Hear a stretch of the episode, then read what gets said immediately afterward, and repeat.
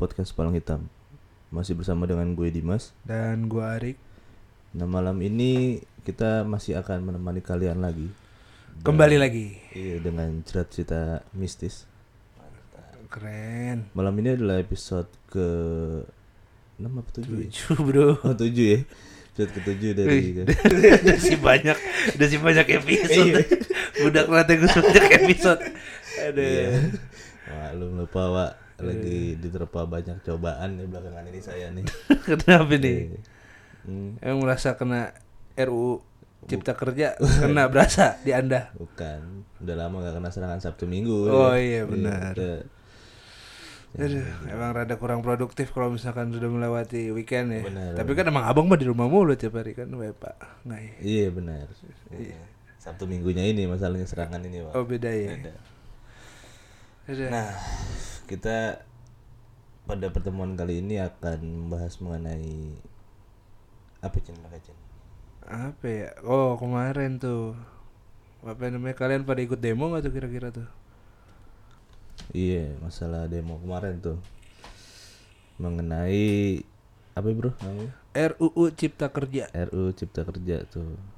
Rame. Ya? Jalan gue liat-liat emang manusia-manusia ini antusias gitu Antusias. ini jadi ajang silaturahmi kayaknya ajang silaturahmi. Kalau gua Bokap gue sampai nggak pulang bro. Asli ketahan ya. udah seneng aja dia Eh, iya. difotoin kan gue. Eh, ikut tuh Buk, kagak. oh gue kira pakai odol gue belum gue ngeliat fotonya kan dek gue nggak balik katanya Iya. nih lu lihat nih buset orang mulu cin jalanin cin Oh, iya. Wah, nyata Rame ini tuh. jam 11 malam cup katanya dari Trisakti masih akan turun dua peleton lagi. Wih, segan nih. Kampus reformasi. Iya kampus lu tuh ya. Kampus gue. Keren. mantan mantan. Keren. Tapi emang kayaknya nih pas lagi demo gitu kan, corona kita jarang ketemu orang, nggak bisa nongkrong gitu kan. Ketika ada demo, mah aku mau demo. Ya udah nak, ini nak apa namanya? Perjuangkan hak hak eh, rakyat Indonesia gitu kan. Mantap. Padahal di sono kan cipika-cipiki, aduh kangen banget ya kan. Ayo lawan DPR katanya. ini Iya katanya, kembali udah lama gak anarkis katanya. tapi gue salut banget sih sama mahasiswa-mahasiswa di Indonesia ya Iya. memang jembatan salah satu jembatan rakyat kepada pemerintah adalah mahasiswa sih. Betul. Tapi sebenarnya itu yang kemarin yang anarkis-anarkis gue yakin bukan mahasiswa sebenarnya. Itu STM-nya, Bro. Itu Lu sering sering lihat gak di di Instagram biasa gue sering lihat. ya? Kami butuh anak kuliahan untuk mengurus debat di dalam DPR. Eh. Urusan polisi dan TNI biar kami yang urus. Wih, Anak STM segan. gue segan juga lama-lama anak Iya, STM nih. Iya, bukan apa apa kayak mereka lebih ini, apa maksud gua lebih kritis ya masalah dengan yang berhubungan dengan rakyat kecil gitu kan. Terus dengan yang berhubungan dengan apa pukul-pukulan makanya emang doyannya aja kali ya. Apa gimana ya? Daripada rakyat SMA aja gitu, maksud gua jarang kelihatan SMA mana gitu terus malah STM-nya kayak yang disorot. Oh iya. Ya mungkin apa ya? STM keras juga sih hidupnya ya. Iya sih, mungkin merasakan kali ya. Tata- Maksudnya eh, keluarganya. Iya iya iya. Dampaknya lebih secara langsung gitu irisannya. Iya. Hmm. Tapi ya mudah-mudahan kemarin kalian itu nggak sia-sia lah. Iya. Yang Kami juga sebagai pekerja mengucapkan terima kasih ya kepada Betul. para Betul, mahasiswa betul, yang kemarin ikut turun ke jalan. Gimana lagunya? Gitu Cin, yang wahai kalian yang rindu kemenangan, wahai kalian yang turun ke jalan Oh iya iya. demi mempersembahkan jiwa dan raga untuk negeri tercinta gitu. Wah, anjing segan tuh lagu yang mahasiswa tuh. Kok sekolah kagak sih lu? Eh mahasiswa banget abang mah. Iya Kita kan dulu kan sekolah tinggi.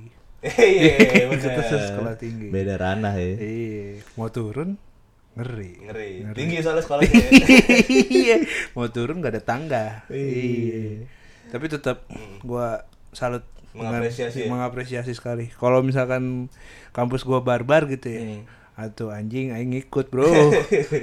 Manyante, Bro. Iya nih.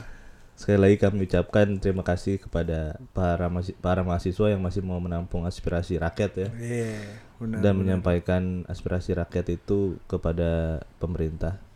Karena Semoga- kalau katanya tuh ketika keadilan dibungkam, Wih, Ih, nih, mantap nih. Iya, terus apa namanya? Menyampaikan as- aspirasi tidak boleh gitu kan. Hanya satu kata katanya lawan. Lawan. Mantap. Ih, gitu, keren nih. katanya begitu. Yang setahu gue aja. ya. Gitu. Kurang lebih, kurang lebih Kurang gitu. lebih kurang lebih begitu. gitu. Pokoknya gue lawan aja. Pokoknya gitu merdeka lah pokoknya anjing hidup mahasiswa lah, Bro. mantap, mantap.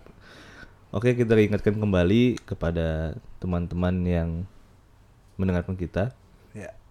Ya, Yang nggak dengerin kita juga kita ingatin juga untuk selalu memakai masker, betul. menjaga protokol kesehatan, mencuci tangan, jangan berkumpul di tempat yang keramaian. Meskipun saat ini peraturan PSBB itu Ada dilonggarkan. sudah mulai dilonggarkan lagi, sudah mulai masuk ke masa transisi lagi. Oh, Ya, mudah-mudahan lebih cepet lah. Maksud gua cepet berakhirnya lah semua inilah. mm-mm, sama kita juga kangen nongkrong ya. Iya, betul.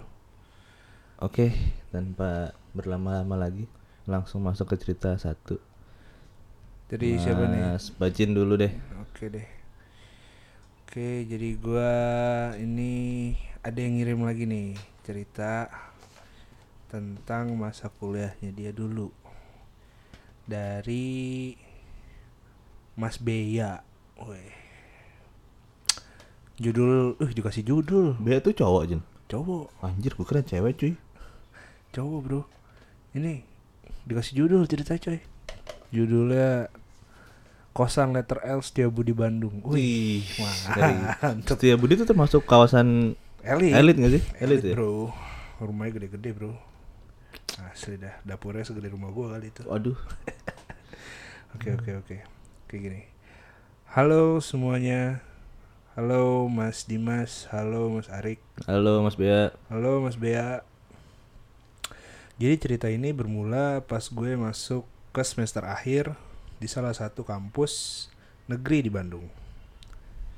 Karena tugas akhir membutuhkan banyak teman dalam pengerjaannya, akhirnya gue memutuskan untuk pindah kosan ke kosan yang teman-teman gue banyak di situ. Oh, jadi biar gampang kali ya. Biar gampang, biar semangat juga bro. Kalau misalkan ngerjain tugas akhir sendiri, Hmm. kuring. Bohong itu. Iya. Dari awal gue ngeliat bangunan itu udah nggak enak gitu loh. Jadi situasinya di situ emang udah bikin nyeremin gitu. Gimana nggak serem? Kalau bangunannya udah lembab dan kosan itu sebelahan banget sama kuburan. Tapi karena paksaan tugas tugas akhir, akhirnya gue tetap pindah ke kosan itu. Siang hari, pas pertama pindahan, gue bawa bawa gue bawa barang-barang gue dari kosan yang lama masih kerasa baik-baik aja. Tapi sewaktu maghrib rasanya udah mulai beda. Dari yang siang itu kosan itu kelihatan baik-baik aja. Sampai akhirnya maghrib datang hawanya itu jadi berubah gitu loh. Akhirnya di malam itu gue mutusin cabut dan mikir baliknya malam aja kali ya biar sekalian gue tidur. Nah kebetulan di situ gue ada temen yang emang mau nemenin gue buat tidur di kosan gue yang baru. Singkatnya gue ngelakuin aktivitas kayak orang-orang pada umumnya. Sebelum tidur dan gak lupa juga double check pintu karena emang kosan itu terkenal banyak maling. Wah ngeri juga. Kosan kosan terkenal banyak maling serem lagi. Masih berani juga ya. iya.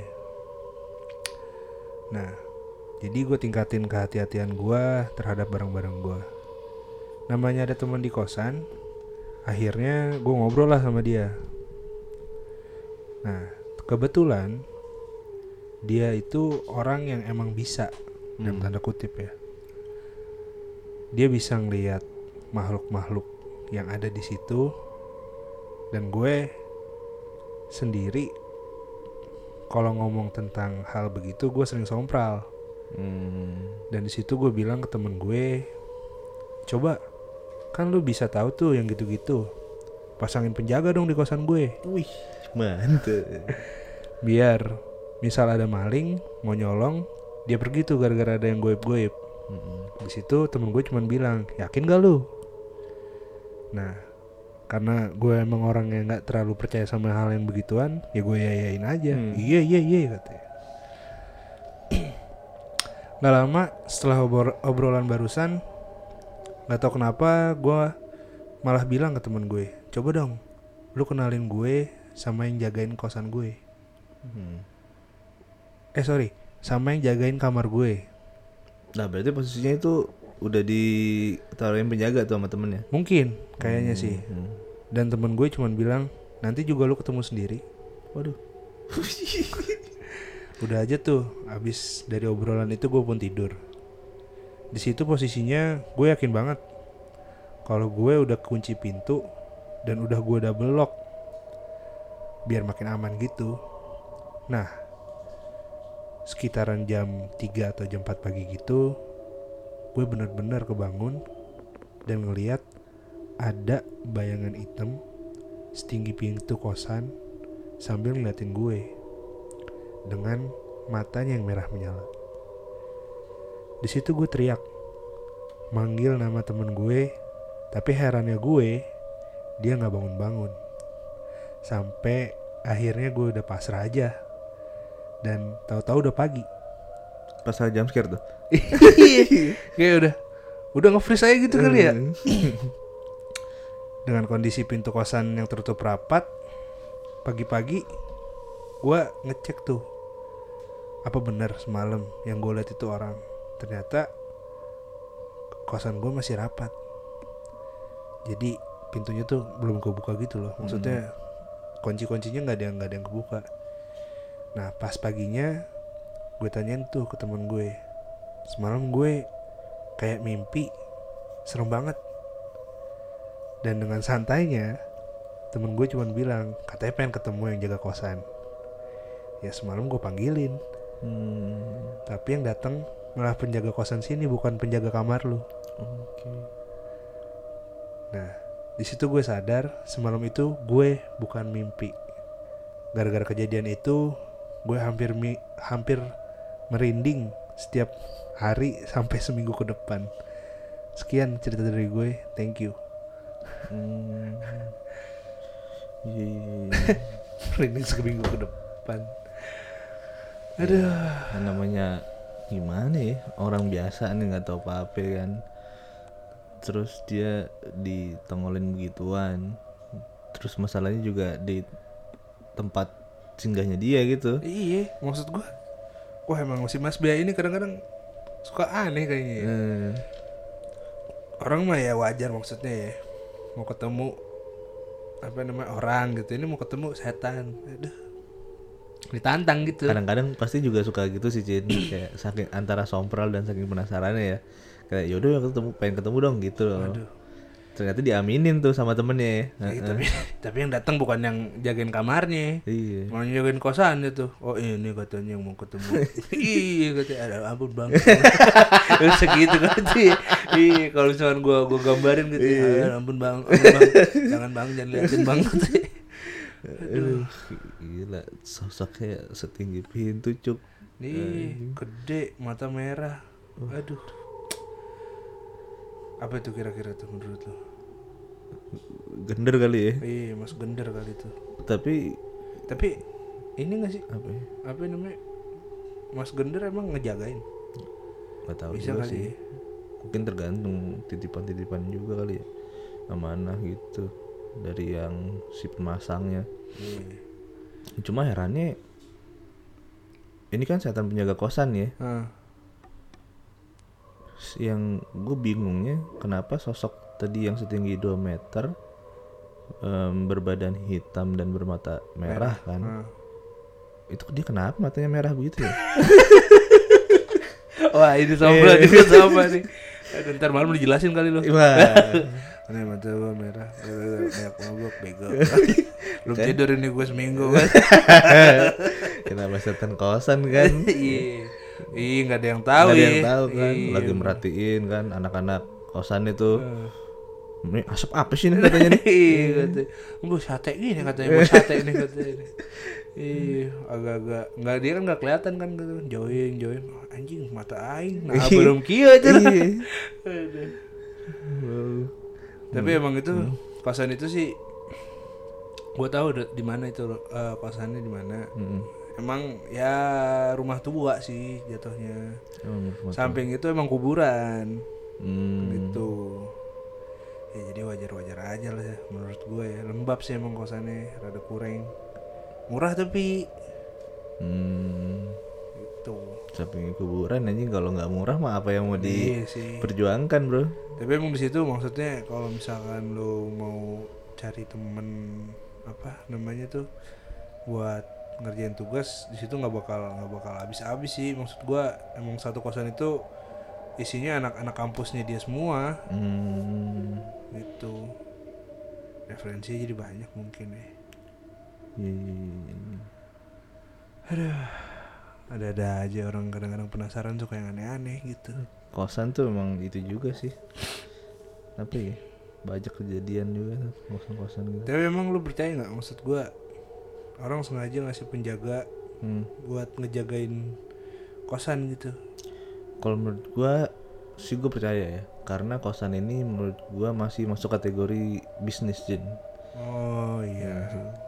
Se misalkan lu eh tinggal di satu kosan gini. Tapi lu tuh ada pebisnis kosan lain nih nggak suka nih wah kosan ini rame nih diserang. Pasti kan orang pada ngabur tuh kalau nggak ada yang jagain. Oh iya benar sih. Hmm, jadi ya mau nggak mau percaya nggak percaya kali percaya ya nggak percaya. Iya sih. Karena banyak kan kayak apa namanya alat-alat pusaka tuh yang ditanam tuh Oh, katanya sebagai iya. penjagaan. Nah Ah. kayak gitu-gitu tuh pagar. Ya namanya tapi orang musrik gak sih berbisnis. gitu gitu? Ah gue nggak bisa. Nggak ngerti itu Nggak gue. Ngerti. Heh, ada yang bilang cuman sebagai apa? Kodam kodam. Kodam ya Iya. kayak gitu gitulah nggak ngerti juga gue bukan ranah saya untuk menjelaskan gitu Iya, ya. belum punya ilmunya belum punya ilmunya Pak. berguru dah lu. Oh enggak deh. Ngeri ah ngeri hilang. Ya deh. Lanjut cerita kedua Mas Dim. Jadi weekend kemarin sekalian bercerita sedikit nih Ah, weekend tepatnya minggu kemarin sih. Ah. minggu kemarin ini gue sama Bacin sempat dipisahkan nih sekian lama itu berapa lama? Empat hari tiga hari. Tiga hari. Tiga hari. Nah situ Bacin ke Bandung gue berkelana nih ke tempat kopi. Wih, mantep nih kopi man kopi man nah ke tempat kopi temen gue nah terus ada eh, temen kuliah gue dulu. Itu dia bilang gue punya pengalaman horor nih tertiba tuh. Wah gue bilang apa nih? Masuk nih gue bilang konten gue nih kan? Nah gini ceritanya. Jadi temen gue ini bernama Livardi Jin. Wih, keren namanya nih. namanya keren. Livardi. Nah ini pengalaman waktu dia itu ke Bandung. Dih, eh, Mm-mm. Agak agak relate ya sama lo ya agak relate, agak relate. jadi gini waktu itu gua agak lupa ya tepatnya kapan tapi dia pas lagi zaman zaman lulus lulusan sih ingat gua dia itu pergi ke Bandung SMA berarti. Enggak, waktu udah lulus kuliah maksudnya. Oh, Nah, iya, iya, iya. Dia pergi ke Bandung, terus berdua sama temennya, karena kayak Hmm. si Livardi ini ngobrol, gue mau ke Bandung nih pas lagi di tongkrongan gitu kan. Hmm. Nah terus temennya, eh ikut dong, karena dia juga mau ngambil motor, temennya ini kebetulan anak Bandung kan. Hmm. Sebutlah nama temennya ini X lah ya. X. Nah, jadi ya, di cerita ini ada X sama Livardi namanya. Si X ini bilang, ayo dong, gue ikut ke Bandung dia bilang gitu kan. Mau ngambil motor karena si X ini kuliah di Bandung. Udah singkat cerita, mereka pergi ke sana naik bis dan berencana pulang dengan Hmm. Naik motor. naik motor kayak gitu. Nah di Bandung ini dia itu bersinggahnya di rumah omnya si X Mhm. gitu jadi dia berangkat naik bis habis itu sampai di rumah omnya si X istirahat satu hari habis itu keesokan harinya dia itu makan tuh gue lupa makan di daerah mana deh. Daerah kota apa kalau nggak salah dibilang. Mhm. dia makan makan makan.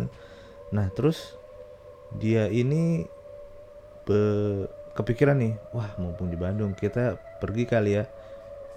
Hangout ya hangout bukan mau hangout sih kayak dia lebih mau mencari ketenangan gitu. Oh, oke. Nah tempatnya itu di Bukit Moko Jadi dia- nyari ini city view tuh ya City View ya Hmm. Iya, jadi ceritanya karena dia di Bandung, jadi eh, mau sekalian refreshing gitu.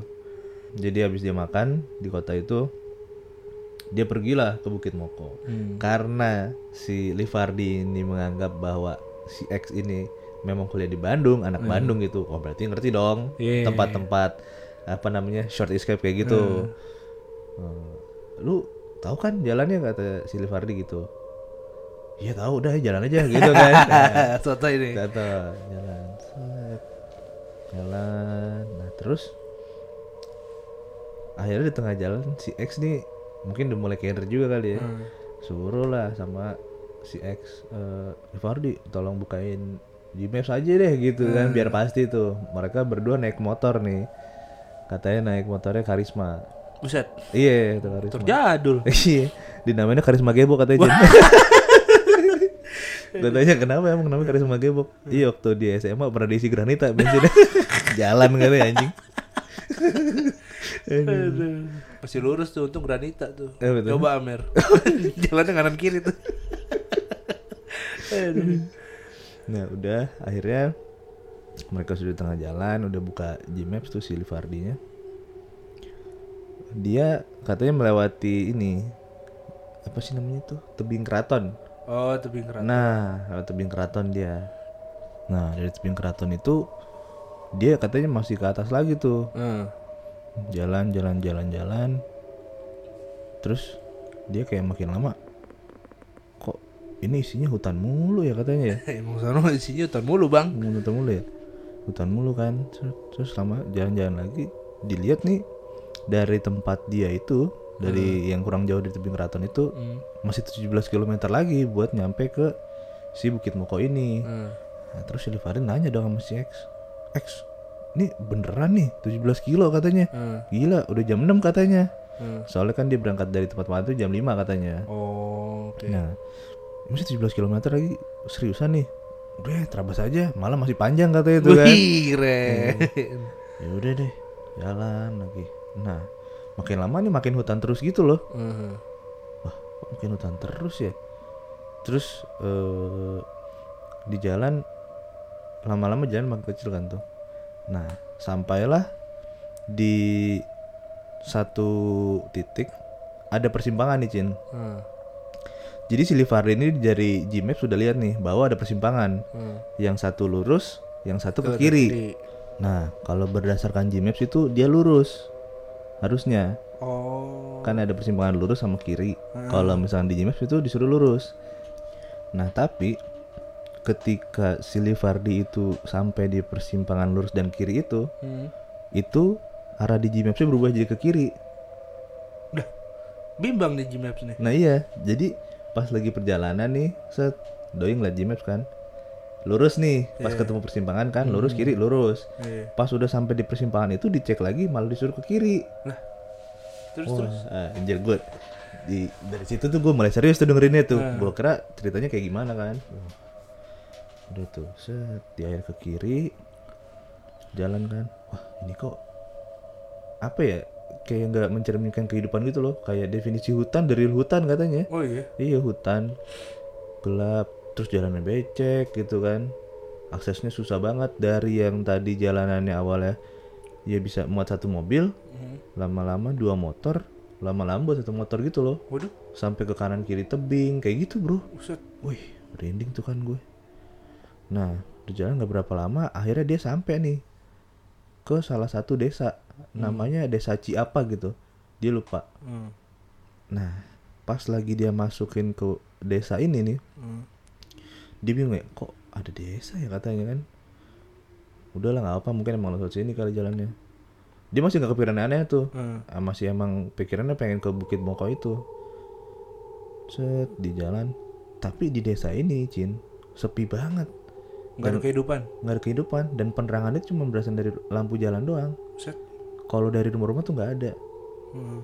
sampai akhirnya si Livardi itu tuh teriak-teriak itu Assalamualaikum Assalamualaikum sambil naik motor Hmm. ngelewatin rumah warga itu sambil teriak Assalamualaikum Assalamualaikum tapi gak ada yang keluar Set.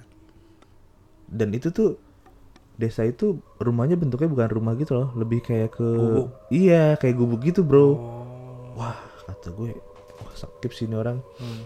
udah tuh set buatin situ terus akhirnya eh, dia udah mulai agak keluar tuh dari desa itu. Hmm. setelah dari desa itu ada pemakaman bro. Waduh.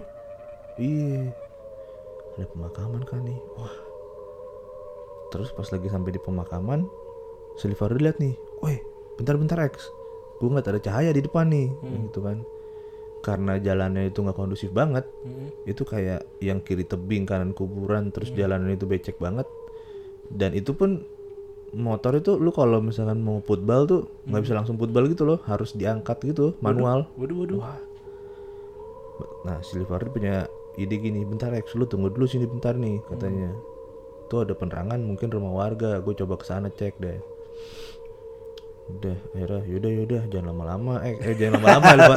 Iya, Sekut juga Sekut dong, dong, iya. anjing sampai kuburan bro. Iya, iya, iya. Wah, Anjing. Udah gitu, si Livardi nih jalan ke rumah itu kan. Ketok, Assalamualaikum, Assalamualaikum. Tungguin tuh, Assalamualaikum. Nggak ada jawaban, padahal tuh lampu nyala. Hmm. Bingung kan si Livardi ini. Terus dia nyari jalan lain gitu. Iya. Mungkin ada apa maksudnya ada pintu depan atau pintu belakang rumah gitu. Mungkin kalau di depan si pemilik rumah nggak denger kan. Dicek, cek sekitar rumah. Wah nggak taunya belakang rumah itu tebing bro. Waduh. Wah bingung kan tuh si Livardi mana nih kok tebing terus lewat mana buat ke Bukit Mokonya? Yang dia pikirin sebenarnya cuma satu gimana cara ke Bukit Mokonya? Dia nggak kepikiran aneh-aneh. Diketok-ketok lagi kan assalamualaikum assalamualaikum. Oh akhirnya terus dia dengar suara geseran kursi gitu loh bro. Hmm. set gitu. Wah kata Livardi ah ada orangnya nih Hmm. di dicecer kan tuh assalamualaikum assalamualaikum. Anjing merinding gua. Duh, dia bilang gini "Eh, permisi pak bu saya mau ke Bukit Moko jalan lewat mana ya saya dari tadi kok ketemunya hutan terus kata Livardi gitu kan akhirnya dari dalam ada yang jawab bro Apa? kalian ngapain ke sini kalian nggak seharusnya ada di sini dibilang gitu Hmm. jangan main-main ke tempat ini udah kalian pulang aja gitu bro Waduh. Wih. Nah si Livardi pun sebenarnya katanya masih belum berpikiran yang aneh tuh. Hmm. Wah yang bener kata gue kan udah kayak gitu bro. Kata udah cabut deh. Cabut. Muter balik tuh akhirnya. Muter balik. Hmm. Akhirnya situ dia kepikiran apa mungkin harusnya yang di persimpangan tadi gue lurus aja kali ya nggak usah belok kiri. Oh ya udah deh. Udah itu dia nyamperin temennya di depan kuburan tadi tuh. Hmm. Lah pas lagi disamperin temennya si X itu jatuh gitu loh Jin. Maksudnya motornya tuh jatuh gitu. Hmm. Nah dia tanyain kan sama si Livardi, lalu kenapa jatuh gitu? Lu buka lama banget, gua mau muterin motor tadi, gitu kan, malah kepleset. Wah, acur itu. Udah deh, ayo jalan-jalan cabut. Udah gitu, akhirnya jalan lagi, melewatin kuburan itu, melewatin perkampungan itu. Itu gue juga bingung ya si Livardi ini agak aneh juga orangnya. Masih Iya, pemikirannya tuh masih pengen ke Bukit Moko gimana caranya nih? Hmm. heran gue mah nah terus akhirnya pas lagi dia udah keluar dari perdesaan itu mau ke arah persimpangan ketemulah dia sama seorang kakek-kakek Hmm. akhirnya dari jauh kan ngeliat nih kakek kata dia yang digambar itu kakek-kakek pakai baju partai gitulah semacam baju partai Hmm. terus bawa lentera katanya Oh, serem juga ya. iya Hmm. Nah terus udah kan katanya si Devardi X X lu tunggu di sini bentar agak nepi dikit gue mau nanya dulu nih. Hmm. kebetulan nih kan ada si kakek-kakek ini bisa nih katanya ke Bukit Moko tanya. Jadi perawakan si kakek itu tingginya juga mirip si Livardi gitu. Nah buat info informasi kalian Livardi itu tingginya sekitar 190 ya kayak lu, lu berapa sih? 181 gua. 181 jadi 186 lah mungkin. Nah, si Livardi itu kan tinggi banget ya Nah kakaknya tingginya Slivardi gitu bro. Bisa tinggi banget dong. Asli. Udah gitu akhirnya si Livardi nanya kan sama. Jadi setelannya temennya di motor nih. Ah. Livardi di kanannya, kakeknya di depan Livardi. Hmm. Nah, si Livardi nanya nih, "Eh, maaf kek, kalau misalkan tadi saya mau jalan ke Bukit Moko ya, tapi ketemunya hutan sama desa, nggak sampai sampai ke Bukit Mokonya gitu kan. Padahal udah ngikutin maps. Kakeknya jawab apa tau lu? Apa? Eh, eh, eh, Lah? eh, gitu doang bro. Waduh, waduh, waduh. Nah, si Livardi nggak denger dong di make sure. Jadi gini kayak, jadi dia kayak ngepronounce dengan sangat jelas gitu loh. Jadi gini kayak saya mau ke Bukit Moko. Tapi dari tadi saya ketemunya hutan terus. Ini kalau mau ke Bukit Moko lewat mana ya? Dia bilang gitu kan. Si kakek tadi juga tetap jawabnya. "Eh, gitu. Gagu kali ya. Nah, tadi dulu. Gue juga mikir gagu kan. Hmm. Nah, terus itu si temennya Livardi ini nggak berani buat natap kakek itu. Jadi dia kayak apa namanya ngecubit-cubit si Livardi tuh. "Ini Udah nggak bener, udah nggak bener nih," kayak gitu kan. Cabut. Terus kata Livardi, ya udah deh. Dia ngomongnya sambil santai gitu kan. ya udah nyalain aja dulu motor. Iya, rasa ketipis Iya, ya. aja motornya nih. Satu dua tiga cabut kita bilang gitu kan. Ini set, tadi nyalain motor, satu tiga cabut tuh mereka akhirnya. Set, Udah nggak pakai nengok belakang tuh. Wah, nengok belakang mungkin hilang kali itu si Fardi sama temennya. Udah gitu, akhirnya dari situ udah mereka memutuskan, udah ada ini nggak bener cabut aja, cabut. Ntar aja lah ke Bukit Mokonya.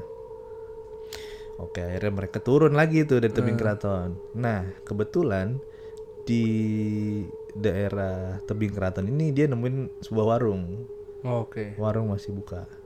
Nah, si Livari bilang, udah mending kita ngerokok dulu, ngopi dulu di sini deh. Hmm. Apa namanya, kita tenangin dulu diri kita, dia bilang gitu kan. Udah tuh akhirnya ngerokok di warung itu kan.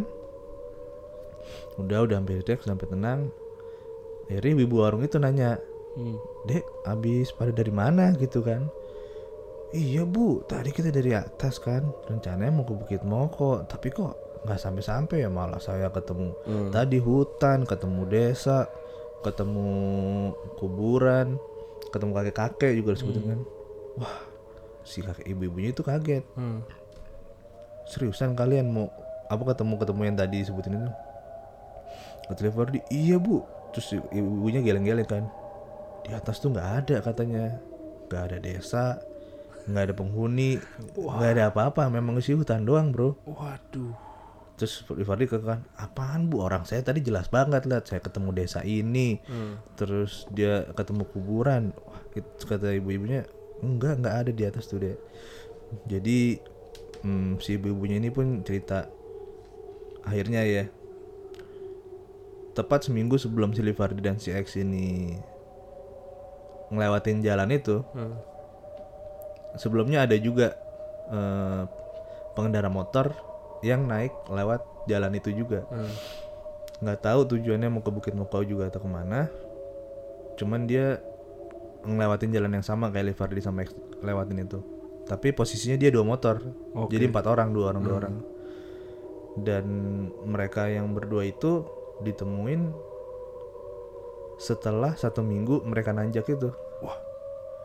iya jadi misalkan si pemu- pemuda ini nanjaknya Sabtu baliknya Sabtu minggu depan bro Kalau itu balik udah nangis nangis Waduh. wah seliw anjir Serem banget.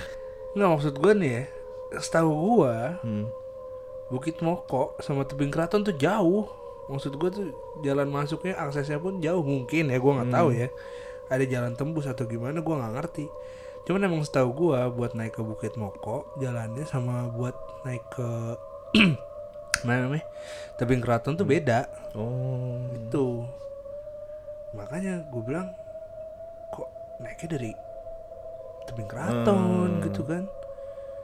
Terus udah kayak gitu ya mau setahu gue emang kalau misalkan udah dari tebing keraton ke kanan cuman ada satu cafe doang namanya lereng keraton gue gak tahu di atasnya ada apa lagi.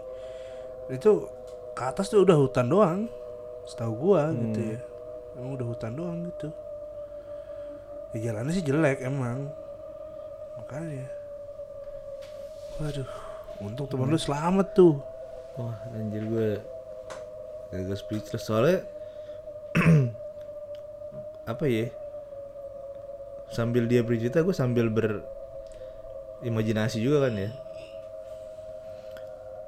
Pas lagi ya nggak masuk akal tuh setelah dia menemukan desa di mana desa itu nggak ada penerangan cuma ada penerangan dari lampu jalan dan udah diteriakin assalamualaikum assalamualaikum terus nggak ada yang jawab itu nggak masuk akal menurut gue anjing Tapi mungkin karena assalamualaikum itu dia selamat kali. mungkin mungkin mungkin Gua gua gua nangkepnya di situ ya. Eh, Karena mungkin menurut mereka itu misi-misi kali kan. iya iya juga ya anjing Assalamualaikum. untuk si Livardi ini ini iseng ya ngide ya Iya, coba kalau nggak tuh. Misalkan jalan terus terus terus terus Hmm. nggak tahu dah tuh dia ke mana. Anjir. Soalnya apa ya, Cin? Yang sampai dia ketemu kuburan terus rumah yang ada penerangan itu pun sampingnya memang bener tebing. Iya, Anjing ngaco sih. serem juga sih maksud gua. Anjing, Gimana itu ketemu kakek-kakek nih. Yang Ah. gua kemarin menjadi perdebatan sama si Livardi nih. Emang bisa kata gua nggak tahu kan apa namanya gagu itu eh bisa disembuhkan apa enggak. Tapi kemarin si Livardi bilang, "Emang orang udah kayak kakek masih gagu emang ada apa?" Lah ada lah ngaco. Ada kan ya? Ada lah. Em gagu gagu kan emang Gagu memang bawaan sampai ya sampai meninggal. gagu apa gagap tuh?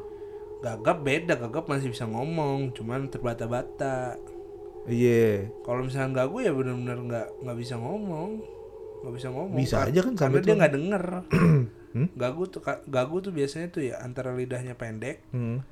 kalau enggak dia gara-gara nggak bisa denger, jadi nggak bisa denger jadi gagu.